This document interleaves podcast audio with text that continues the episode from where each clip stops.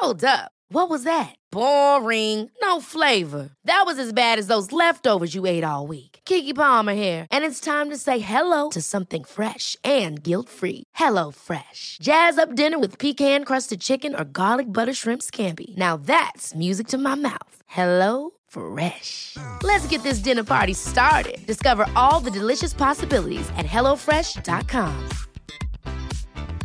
I'm Sandra, and I'm just the professional your small business was looking for. But you didn't hire me because you didn't use LinkedIn jobs. LinkedIn has professionals you can't find anywhere else, including those who aren't actively looking for a new job but might be open to the perfect role, like me. In a given month, over 70% of LinkedIn users don't visit other leading job sites. So if you're not looking on LinkedIn, you'll miss out on great candidates like Sandra. Start hiring professionals like a professional. Post your free job on linkedin.com/people today. Many of us have those stubborn pounds that seem impossible to lose, no matter how good we eat or how hard we work out. My solution is PlushCare. PlushCare is a leading telehealth provider with doctors who are there for you day and night to partner with you in your weight loss journey. They can prescribe FDA-approved weight loss medications like Wagovi and Zepbound for those who qualify. Plus, they accept most insurance plans. To get started, visit plushcare.com slash weight loss. That's plushcare.com slash weight loss. Så frigör du den dolda potentialen. Många verksamheter, ja, kanske alla på sitt sätt, de är helt beroende av att vara innovativa. När förändringsvindar blåser och aldrig mojnar, ja men då gäller det att hänga med och att utveckla och just innovera. Ja, och ofta finns potentialen för att göra det här redan i organisationen, men den kan vara dold. Idag ska vi prata om hur ni hittar den och får engagemang på köpet.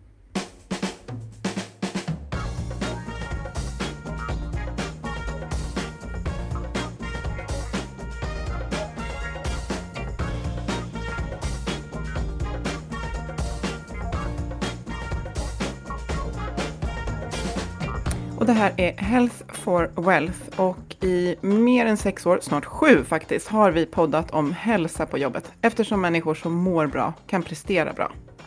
Och för att må bra behöver vi goda samarbeten, rätt resurser, handlingsutrymme och trygga ledare som har tid att leda.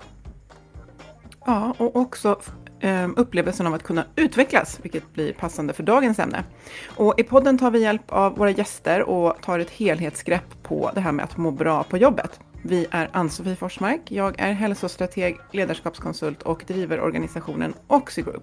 Och Boel Stier, copywriter och kommunikationskonsult. Varje vecka delar vi inspiration, idéer och tips för ett bättre och mer hållbart arbetsliv. För dig som är chef, ledare, jobbar med HR och medarbetare såklart. Och vår långvariga samarbetspartner Twitch Health erbjudande Twitch On Demand, det är en plattform som, apropå hälsa, samlar hela företagets hälsoerbjudande för medarbetarna. Ja, och det som är så bra med den det är att den får igång träningen både där hemma eller utomhus eller på kontoret. Och det handlar lika mycket om mental som om fysisk hälsa. Mm. Och alla kan hitta just det de behöver, sina program och kan, vilket är väldigt viktigt för motivationen, mäta sina framsteg utifrån behov och läge. Och det kan handla om mindfulness, det kan handla om pausprogram och hela vägen till intensiv konditionsträning. Och självklart så ingår också en chatt med en hälsocoach. Du kan läsa mer om Twitch on demand på twitchhealth.se och vi lägger en länk i inlägget till det här avsnittet där du lyssnar just nu. Och idag så välkomnar vi äntligen, säger vi faktiskt lite grann, Mattias Axelsson. Du är doktor i företagsekonomi, forskare vid Handelshögskolan i Stockholm, House of Innovation. Och du arbetar för att utveckla organisationers innovationsförmåga genom forskning, utbildning och rådgivning. Maffigt! Välkommen! Tack så jättemycket, kul att vara med. Jättekul att ha dig här. Och idag ska vi prata om dold potential. Det låter så spännande. Jag tänker att, att man kan gå på skattjakt i sin egen organisation. Och det här är också namnet på din bok. Vad, vad är det för dold potential du menar? Dold potential finns ju i många skepnader så det beror närmast på vilket sammanhang man är i. är det teknikföretag så kan det finnas eh, förstås i saker som patent och annat i den teknologiska kunskapen som finns inom organisationen. Eh, är det tjänsteorganisation så kan det finnas inbäddade i, i exempelvis kundinsikter som vi inte riktigt har artikulerat än eller inte riktigt förstått. Så den kan finnas på lite olika sätt. Eh, i, inom organisationen men också i gränsytan mellan vår organisation och de vi samarbetar med på olika sätt. Eh, och det är det som är det luriga med det, att den finns där på bordet framför oss. Men vi förstår inte för vi har fel glasögon på oss. Så att vi behöver jobba med att slipa till glaset så vi kan se den. Och har, du ett, eh, har du ett exempel på Alltså du har ju nämnt exempel på var de här, eh, den här potentialen kan finnas, men jag tänker något konkret exempel på något företag som började gräva någonstans och hittade någonting som var avgörande för dem. Det här händer hela tiden i företag. Det är bara mer eller mindre medvetet och eh, min tanke här är att genom att prata om dold potential och, och lyfta fram eh, perspektiv runt det och modeller runt det för hur vi kan upptäcka den så, så kan vi skapa mer värden och göra det snabbare än vad vi hade gjort annars. Så att det inte bara sker mer eller mindre slumpmässigt. Eh, och eh, min ingång i det här, det är nog snart tio år sedan att jag eh, av nästan en tillfällighet i ett forskningsprojekt snubblade över ett case på Saab, försvarsföretaget, som hade eh, fått en idé om en algoritm utvecklad för militärt bruk och se om den skulle kunna ha, vara grund till någon civil applikation. Och det blev den. Den blev grund till ett företag som såldes eh, för 240 miljoner US dollars vid den tidpunkten. Så det var en otrolig succé och då tänkte jag att det borde ju finnas stor potential för liknande case, mer och sådana i näringslivet. Och jag tog upp det när jag var på en scen i Almedalen eh, och fick otrolig respons efteråt. Så jag tänkte nu måste jag vara på någonting här. Många känner igen sig i det och många uttrycker en frustration över att det är så svårt att få det att bli av. Man anar att det finns någonting men man har liksom inte riktigt kraften att realisera det. Så att eh, nyfiket så satte jag igång och började jobba med den frågan på olika sätt. Både forskningsprojekt, eh, jag började prata om det, föreläsningar och diskutera med människor, ledde till rådgivningsuppdrag och så vidare. Och så har jag lärt mig mer om det. Och så småningom kom den här boken och så har jag fortsatt jobba med det på olika sätt. Och inte minst nu så brinner jag för att driva den för att se vilken dold potential vi har för att eh, faktiskt göra skillnad i klimatfrågan i våra organisationer. Mm. Det låter väldigt, väldigt värdefullt i dessa, i dessa tider. Ja, nej men det här låter ju superintressant. Eh, för att alla vill innovera brukar man säga nu då. Och det handlar väl ofta, alltså det där är väl drivet kan jag tänka mig. Du får rätta mig om jag har fel här Mattias, men det är väl ofta drivet av liksom, ekonomiska intressen, att man ser att ja, marknaden förändras, kun, eh, konkurrenterna ligger långt fram eller så är man rädd för att de ska hamna längre fram och så känner man så här, oj, vi måste ha en spets, vi måste särskilja oss på något sätt. Eller vad, vad, vad skulle du säga i drivkrafterna?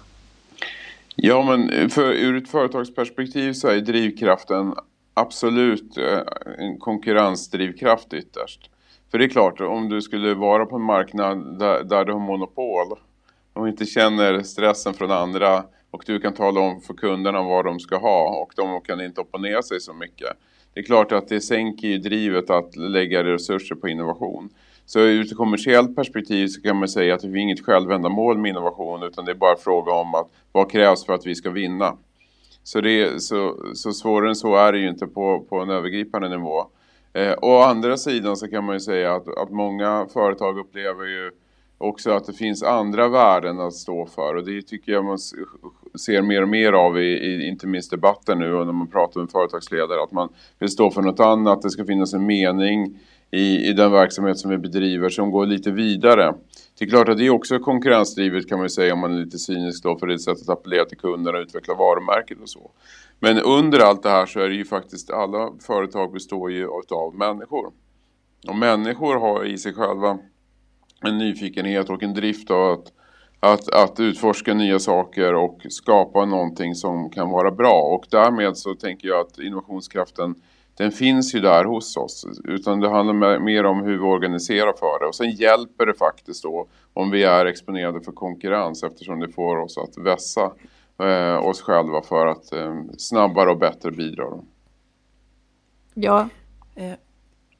Jag tänker, jag plockar upp den här metaforen du sa med glasögonen. Det låter ju mer som att eh, man måste ta av de glasögonen man har kanske till och med, för de, de stöper liksom blicken i en viss, en viss riktning. Och jag tänker att eh, vad är det man inte riktigt förstår. För som du säger, men alla inser att man behöver innovera för liksom att utvecklas. Men du beskriver ju att den här innovationen behöver ske eh, i andra typer av dimensioner. Alltså kanske ja, mellan oss och en annan organisation eller så. Vad är det man, ja, vad är det man behöver förstå för att kunna innovera eh, så att man får loss den här potentialen? Men ett klassiskt exempel som, som, eh, som brukar lyftas fram det är ju att Ericsson hade vid någon tidpunkt eh, all teknologi och en paketering utav sånt som liknade en iPad. Eh, men, men det fanns inte någon riktig insikt om konsumentvärdet utav en sån. Och jag vet, det är ju väldigt lätt att säga och i efterhand, varför gjorde inte de det? Men någonstans så handlar det om att, att, att jobba om man ska förenkla det lite, men, att ha, hela tiden att anstränga sig att få in det externa perspektivet och se hur kan vi omtolka det vi gör, den resurser vi har, de produkter vi har i ljuset av de behov som vi anar där ute. Och ibland så, för att göra det ännu mer komplext då, så är det klart att alla behov som kunder har är, vet inte kunder om själva. Men någonstans genom att gå ut där och vara ute och nyfiket plocka upp och försöka tänka, se runt hörnet och så så kan vi upptäcka de här, men just det, och de insikterna kan, kan, kan, kan vi plocka hem sen för att se det här nya, upptäcka det nya. Så jag tror att det handlar mycket om att exponera sig hela tiden, vara externt orienterad, jobba med externa parter och, och vara öppen för så kommer de här insikterna som leder till en omtolkning. För det är ett nyckelord det här att kunna omtolka de resurser vi har, att, att se nya möjligheter i dem. Ehm, och inte, för det är väldigt lätt, lätt att, att falla in i, i, i konventionerna och tänka att ja, ja, men det är så här vi gör. Eller den här produkten är till för det här sättet. Och den, den gör det, så där kan man inte göra. Och, och så det gäller liksom att skapa medvetenhet om de här mentala eh, hindren som vi lätt reser och istället försöka eh, jobba och få in det externa perspektivet och, och kontinuerligt jobba med den här omtolkningen. Mm. Du nämnde ju kundinsikter. Oftast är det ju mm. där hos kunderna som, som eh, de här viktiga insikterna finns. Och då kan man ju lätt säga i efterhand att jaha, varför tog inte Ericsson någon prototyp för den här, eh, den här plattan som var lite större än en mobiltelefon och, och satte den i händerna på en grupp kunder och kollade vad de gjorde. Och vad vet vi? De kanske gjorde det och så hittade inte de kunderna på mm. något just där och då. Men jag tänker att, att gå ut och forska på det här sättet, det är lätt att säga och, eh, så här, vi ska vara nyfikna, det låter ju härligt. Men precis som vi säger i vårt intro, att en chef måste ha tid i kalendern för att leda. Eh, på samma sätt är det väl så Mattias, att man, det måste någonstans stå i människors eh, rollbeskrivning att de ska lägga tid på utforskande på något sätt. Ja, exakt. Och det är ju inte alla som måste göra det till att börja med. Det beror ju helt på vilken roll man har och också vilken intressen man har och så vidare. Så att det är ju inte, det är inte så, jag, jag tror inte på i den här idén om att, att alla organisationer ska plötsligt bli innovatörer. För många har inte ens någon lust att bli innovatörer. Och, och kanske inte har fallenhet för det heller utan kan göra mer nytta på att jobba med att optimera det befintliga. Men med det sagt då så så, så, så kan, kan man ändå jobba då med attityden om att man inte, inte gör sig själv till ett hinder för innovation. Även om man själv inte jobbar med det. Så det är den ena biten. Men sen är det som du säger att man måste ju avsätta tid och resurser för det. För annars blir det ju ingenting gjort. Och, och, och det är ju, det vet vi. Men det är otroligt svårt. Eh, så det, är, det faller ju ofta redan där. Eh, man lyckas på sin höjd i väldigt många organisationer att samla medarbetare för någon eh, dag på, på någon konferens och man kan ha lite gula lappar och, och lite inspiration och så ser man att ja, men det här skulle vi kunna göra och tänk vad fantastiskt och så vidare. Men sen blir det ingenting i alla fall. Eh, så, så man måste ju ta några steg och fråga sig vad är vi beredda, back, vad är vi beredda att göra för att vara med och forma framtiden på riktigt? Och vad är vi, vad är vi för beredda att investera för vilken tid, vilka pengar eh, Ehm, och hur är vi beredda på att leda annorlunda? Och i slutändan så är det en, den viktigaste biten är att våga ge mandatet till de som vi vill ska vara de här spjutspetsarna till framtiden. Att faktiskt få kraften att gå ut och testa saker och eh, våga ta risk. Du var inne på att alla i organisationen behöver inte innovera. Eh, men, men däremot så blir vi ju lite nyfikna på, jag tänker att vi pratar om att ha en, en kund i fokus. Eh, och ofta så är det ju, vi kan ju innovera på massa sätt, men, men, men det är ju, vi ska ju bedriva en verksamhet och serva våra kunder och då låter det som att det är ju i kundens behov som vi kan hitta behoven till innovation. Och då tänker jag och är nyfiken på att generellt kan man ju säga att människor längre ut i organisationen är ju ofta närmare kunderna än kanske mer ja, liksom stab och sådär. Kan man, kan, man, kan man se någonstans de som lyckas med innovation, vilka i organisationen är det som fångar upp och, och driver och tar liksom idéer vidare? Hur ser det ut?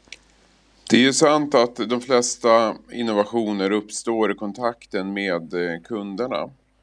Och å andra sidan så kan man tänka sig att, att lite mer radikala banbrytande organisationer kan komma lite var som helst ifrån i organisationen. Eh, så det beror också återigen det beror på vilken typ av verksamhet man bedriver. Om det är tjänsteföretag eller om det, om du driver ett eh, mer teknologiproduktföretag. För då uppstår ju många innovationer förstås ganska strukturerat i forskning och utveckling i företaget. Så, så det finns ju massa sådana saker som, eh, som, som naturligtvis spelar in i sammanhanget ju.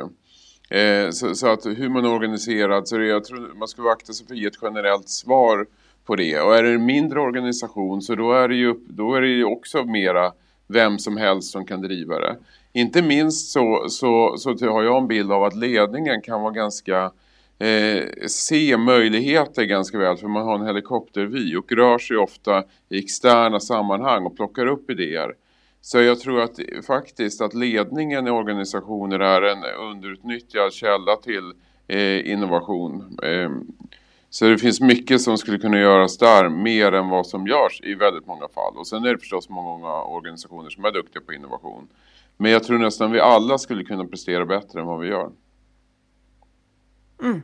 Ett medskick till alla lyssnare oavsett roll helt enkelt. Eh, och jag tänker just att jag kan känna ibland att jag skulle för egen del behöva avdramatisera ordet innovation, för jag, jag tänker direkt att det är någon ny teknologisk lösning som ska till, som har med digitalisering att göra. Men eh, innovation kan ju verkligen handla om någonting väldigt, väldigt analogt eh, också. Eh, ska fylla ett, lösa ett behov, fylla ett behov. Innovation, definitionen av innovation handlar om att gå in i det nya, att introducera någonting nytt som kommer till användning. Och det kan ju vara nästan vad som helst. Eh, det kan ju vara ett arbetssätt, en metod, det kan vara en fysisk produkt, det kan vara en tjänst, det kan vara något som är digitalt. Eh, så, så, att, eh, och, och, så har det varit genom hela historien att det har dykt upp nya saker som plötsligt har slagit och därmed har de blivit innovationer. Eh, så jag tror man ska kunna vara öppen för att vad kan vi göra utifrån de förutsättningar vi har för att driva innovation. Sen är det ju intressant förstås om du, kan, om du har en digital komponent i det för det finns ju skalmöjligheter i det som är väldigt speciella och, och och därmed möjligheten att nå marknaden snabbt om du är en kommersiell aktör och så. Så att det finns stora fördelar om du kan, kan ha med så att säga, digital teknologi eh, som en grund i det. Men, men i, i, andra fall så kan det vara en enkel tjänst och, eller en, en ny produkt, ett nytt material eller så. Och det du nämnde där i början, det här mm. Saab-caset, att man eh, hade sin traditionella kundgrupp inom försvarsverksamheten som visserligen är väldigt stor, global. Eh, men så kom man på att någonting man hade skulle ju också kunna användas på privatmarknaden. Då, då öppnas ju liksom ja, en ännu större eh, marknad. Och, jag menar, det låter egentligen som ett ganska enkelt sätt att man kanske skulle kunna ha en checklista. Nu, nu drömmer jag så får du stoppa mig ifall jag drömmer fel Mattias. Nej, men att man skulle kunna ha en checklista. Okej, det här är vår traditionella målgrupp. Finns det andra målgrupper som skulle kunna ha nytta av den här produkten eller tjänsten? Eh, alltså att det är en... Finns det några sådana smarta sätt att snabbt se med lite nya glasögon på det man gör? Jag tror att man, dels så kan man göra som du säger, fundera på vem mer skulle kunna vara intresserad av det vi redan har? För det är ju ofta det kortaste sättet att, att nå, att få ut innovationer. Att kan vi göra om den på något sätt? Kan vi leverera vår tjänst på ett annat sätt och nå ut till andra kundsegment och så?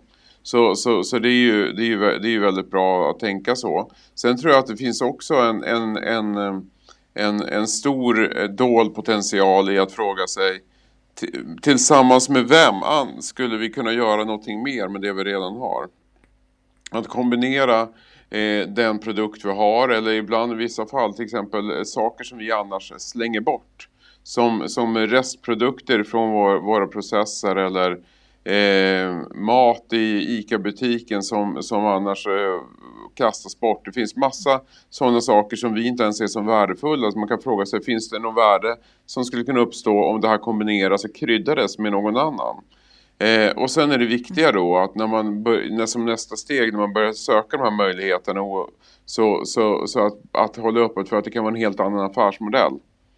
Ett helt annat sätt att ta betalt, ett annat sätt att leverera, ett annat sätt att organisera. Eh, så att man inte, inte hamnar i fälla nummer ett att utgå från det befintliga när man försöker skapa det nya utan låta det nya få förutsättningar att bli det som det mår bäst av att bli. Just det. Ja, och det låter verkligen som att eh, det är ingenting man kan säga till hjärnan så här, klockan kvart över två en torsdag i november att så här, nu, nu jäklar, nu är det dags att liksom så här, ta bort det här. Och jag tänker, det, det låter som att vi har, även om inte igen alla ska driva det, men eh, om alla medarbetare har eh, kalla det för glasögon eller, eller, eller vad som helst, men har med sig sådana här frågeställningar i sin vardag så har vi en enorm potential. Och jag tänker att det låter väldigt roligt att frigöra potential eh, i jobbet. Personligen och många med mig brinner ju verkligen för att kan vi göra världen lite bättre, kan vi bli mer hållbara, så, så vill vi gärna det. Eh, och eh, ja, det låter kul att involveras och eh, vi vet också att det kopplas till ökat engagemang. Det här är också en uppmaning från partsrådet att man ska verka för det här. Men är det här generellt någonting som du ser att medarbetare vill? Och, och följdfrågan på det, vilka förutsättningar behöver vi ha i organisationen för att eh, alltså både få loss idéerna, men vi måste ju fånga upp dem också. Ja, men de flesta vill ju vara med och bidra för det är bara mänskligt. Ehm, eh, och man vill känna sig sedd för det man gör. Ja, men, men, men eh, samtidigt om du frågar någon en, en eftermiddag i november, har du lust att jobba med lite innovation? Och så har du för mycket att göra fram till jul. Så kommer du inte tycka att det känns så kul. Så att det, det, det landar in i att du måste organisera för det och så alltså det finns ju flera komponenter i det. Den ena, det låter ju tråkigt kanske då, men jag tänker att man måste ha några nyckeltal som man jobbar mot. Både på kort och lång sikt. Eh, man kan tänka sig på lång sikt så kan man ju tänka sig att vi vill, det här har blivit ganska populärt i vissa sammanhang, att säga om fem, fem år ska vi ha 50% nya produkter, tjänster som vi inte har idag.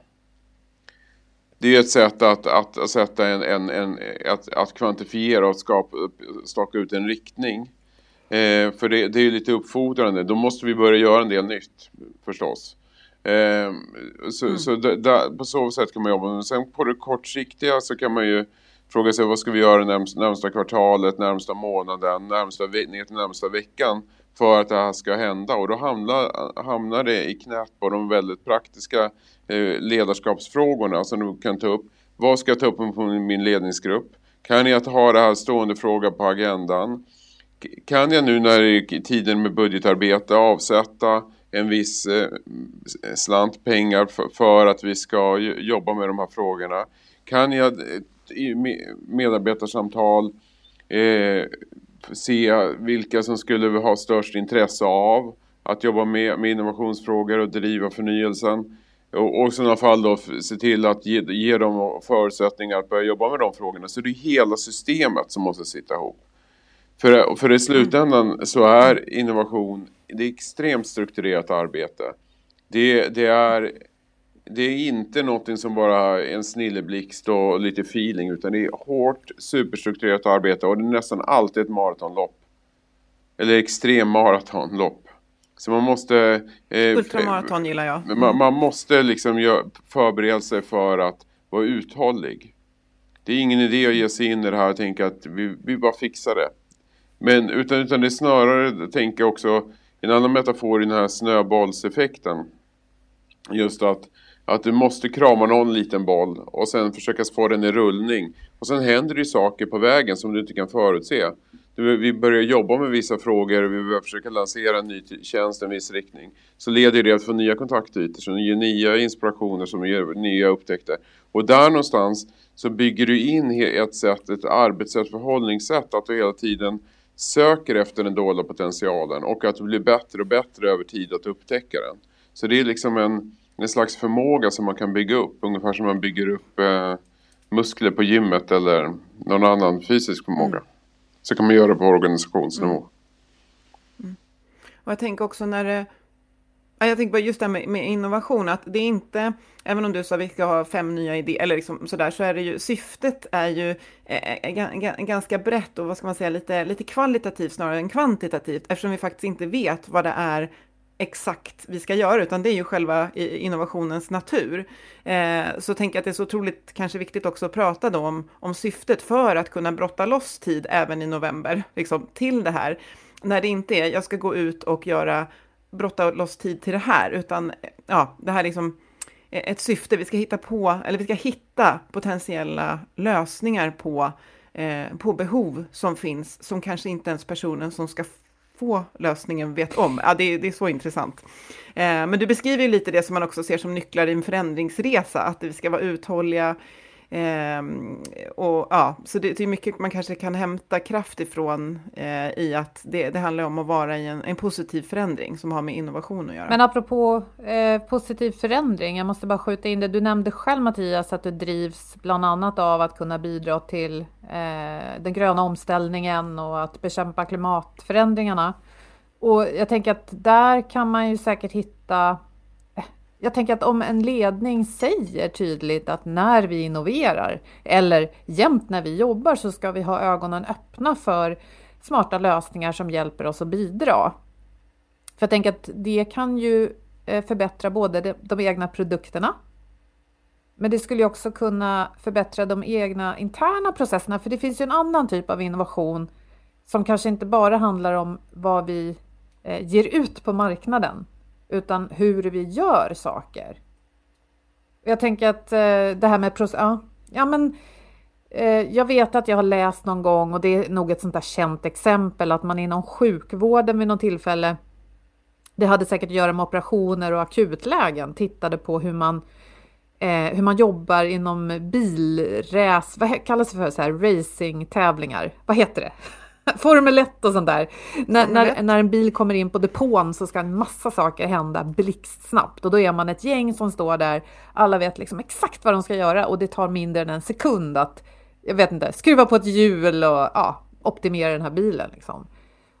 För innovationsblicken kan väl även riktas inåt på hur gör vi saker, eller? Ja, men i hög grad så är det ju så. Ehm, det, det finns ju jättemycket du kan göra för att förbättra eh, din interna verksamhet, att förbättra marginalerna, att öka effektiviteten, minska din klimatpåverkan och så vidare. Så det finns supermycket man kan göra internt.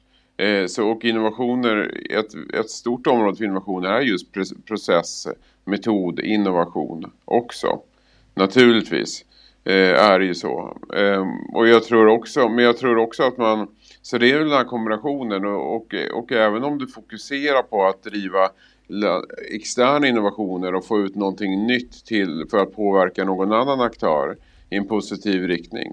Eh, så, så som en konsekvens av att göra det så behöver du bedriva innovation internt också. För du, behöver, du kan inte säga att vi ska göra något nytt och leverera några nya värden och sen inte förändras själv. Så den interna förändringen kommer naturligt så fort du börjar jobba med innovation. Och det kan ju handla om mm, en, på massa olika nivåer. Vad, vad, hur, vad har vi för processer, vad har vi för strukturer, hur jobbar vi med varandra, vilka kompetenser behöver vi, vilka förhållningssätt har vi. Du kan behöva jobba igenom hela organisationen för att bli, bli redo att leverera på det som, som du vill göra. Mm. Så det där hänger ihop. Mm. Så om, om man byter glasögon lite då och då, kanske vänjer sig vid det. Jag tänker att man kanske går och handlar mat på livsmedelsaffären och så tänker man att här såg jag något smart sätt som de har löst hur de, inte vet jag, tar hand om grönsakerna. Så kanske det kan ge mig en idé till hur vi jobbar även om vi är ett techföretag. Alltså att man korsbefruktar sådär. Ja, men så är det ju. Det finns ett superklassiskt exempel på det där att, att Henry Ford eh, är känd för att ha intresserat löpande bandet ju. Som förändrade eh, industrin i grunden. Eh, men eh, det var inte så att han bara satt och kom på det utan han inspirerades ju utav hur man redan jobbade i slakthus. Med att, att djuren kom in och så vidare och så hela processen till att det var färdig biff eh, paketerat det var ju redan löpande bandet var ju redan introducerat i en annan kontext. Men att just kunna göra den kopplingen till hur, precis som du är inne på, till, eh, till hur ska jag kunna använda det här i min kontext då. Och, och därmed så kan du få till någonting som blir riktigt banbrytande. Så, så, och, och det är ju lite det som är poängen med hela det här förhållningssättet med dold potential. Att, att, att kunna, att jag, jag gör någonting idag, jag har några resurser idag. Men om jag låna perspektiv eller en, vissa lösningar från andra, andra områden. Vad ser jag då? Och vad skulle då vara möjligt? Och i där, den, den krocken mellan olika eh, tankar, spår, så plötsligt så kan det här nya, grunden till det nya uppstå. Men sen kommer man inte ifrån då att, att för att realisera det så måste vi bygga, organisera oss på rätt sätt, få till resurserna, att människor får tid att jobba med det. Det, rätt, det ledarskap som behövs behöver komma på plats vara öppen för andra affärsmodeller och så vidare. Mm. Alla, hela det systemet måste ju växa fram om man verkligen ska lyckas. Mm. Men, men det går att göra, mm. så det är mest bara fråga om vilja och mm. hårt arbete. Jag tänker att en sak som kanske inte är helt omöjlig att lägga lite tid på varje vecka, det är ju att, att liksom studera, eh, eh, det kanske inte går att göra platsbesök, men att, men att titta på hur en annan verksamhet fungerar, eh, som, det, som är helt, helt annorlunda. Jag, jag bara tänker, Eh, vad man skulle kunna... Ja, men jag, jag, tänker, jag tänker jättemycket på eh, så här, logistik. Du vet, det körs hem massa mat och produkter till oss nu i en allt större utsträckning än innan pandemin.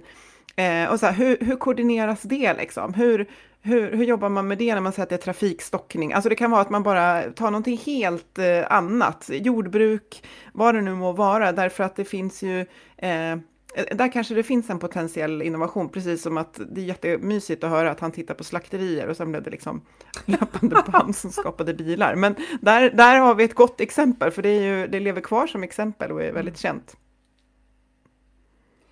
Eh, det här har varit ett jätteintressant samtal Mattias och jag vågar mig på eh, en sammanfattning så får ni protestera eller hålla med om ni vill. Men jag tar med mig det här som du säger att det vi, den dolda potentialen vi besitter i organisationer den kan finnas i det vi redan har och äger som patent, unika lösningar.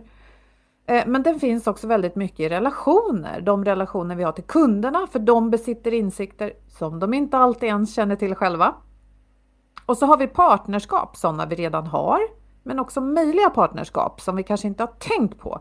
Där vi, skulle jag gissa, eh, behöver gå ännu längre för att till exempel stoppa klimatförändringarna. Så relationer och det vi har och sen att våga eh, eller orka kanske lyfta blicken och inspireras av sånt som ligger långt utanför den egna organisationen. Vad tror ni om det? Lysande. Jag får fylla på. De allra flesta vill hjälpa till och bidra och vi har ett enormt behov av att alla som ser potential till att göra världen lite mer hållbar, så hitta vägar att lyfta de idéerna. Det tror jag vi alla tre eh, känner starkt för, och våra mm. lyssnare också. Absolut.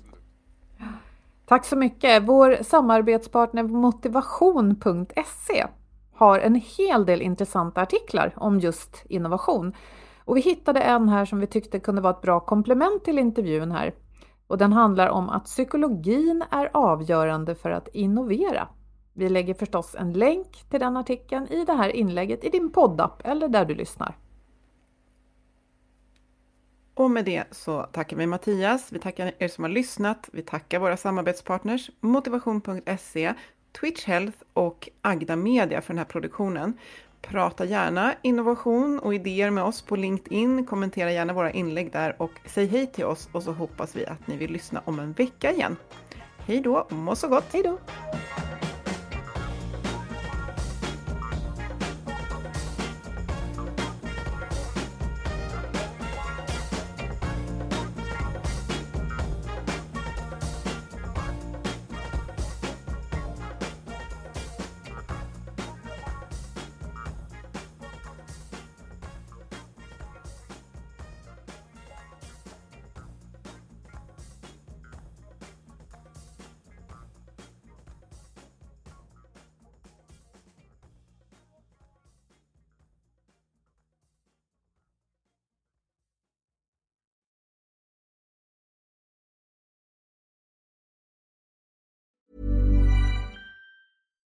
Hi, I'm Daniel, founder of Pretty Litter. Cats and cat owners deserve better than any old fashioned litter. That's why I teamed up with scientists and veterinarians to create Pretty Litter. Its innovative crystal formula has superior odor control and weighs up to 80% less than clay litter.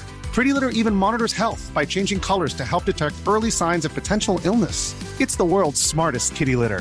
Go to prettylitter.com and use code ACAST for 20% off your first order and a free cat toy. Terms and conditions apply. See site for details. Hold up. What was that? Boring. No flavor. That was as bad as those leftovers you ate all week. Kiki Palmer here, and it's time to say hello to something fresh and guilt-free. Hello Fresh. Jazz up dinner with pecan-crusted chicken or garlic butter shrimp scampi. Now that's music to my mouth. Hello Fresh. Let's get this dinner party started. Discover all the delicious possibilities at hellofresh.com. Mom deserves the best, and there's no better place to shop for Mother's Day than Whole Foods Market. They're your destination for unbeatable savings, from premium gifts to show-stopping flowers and irresistible desserts. Start by saving 33% with Prime on all body care and candles. Then get a 15-stem bunch of tulips for just $9.99 each with Prime. Round out Mom's menu with festive rosé, irresistible berry chantilly cake, and more special treats. Come celebrate Mother's Day at Whole Foods Market.